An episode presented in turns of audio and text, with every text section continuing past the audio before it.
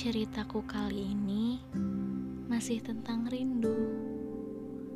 Iya, rindu atas orang yang sama, lagi dan lagi. Kalau kamu lagi dengerin ini, sebenarnya aku kepikiran terus buat cerita ke kamu.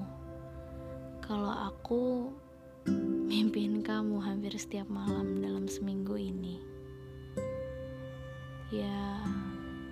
mungkin gara-gara itu kebiasaan kita dulu. Tapi aku tahu itu mustahil.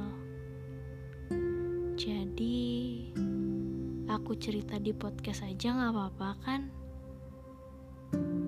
Oh iya, aku cuma mau nanya. Apa kabar? Semoga baik ya. Jaga kesehatan lagi sibuk kuliah ya? Semangat. Oh iya, sebenarnya aku nggak apa-apa sih kalau harus gini. Cuma ya kangen aja ngobrol sama kamu. Kangen suara kamu. Kangen dikabarin sama kamu. Kangen dicariin terus diomelin kalau nggak ngabarin seharian. Aku nggak tahu ya, ini seharusnya boleh ngerasain atau nggak boleh ngerasain sama sekali. Tapi selama kita jauh, rasanya selalu ada yang kurang dan hilang.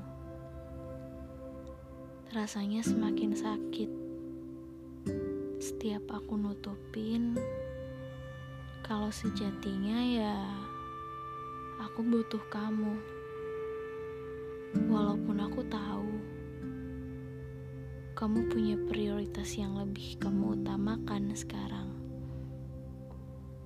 Dan aku emang gak akan pernah masuk ke dalam list penting itu lagi.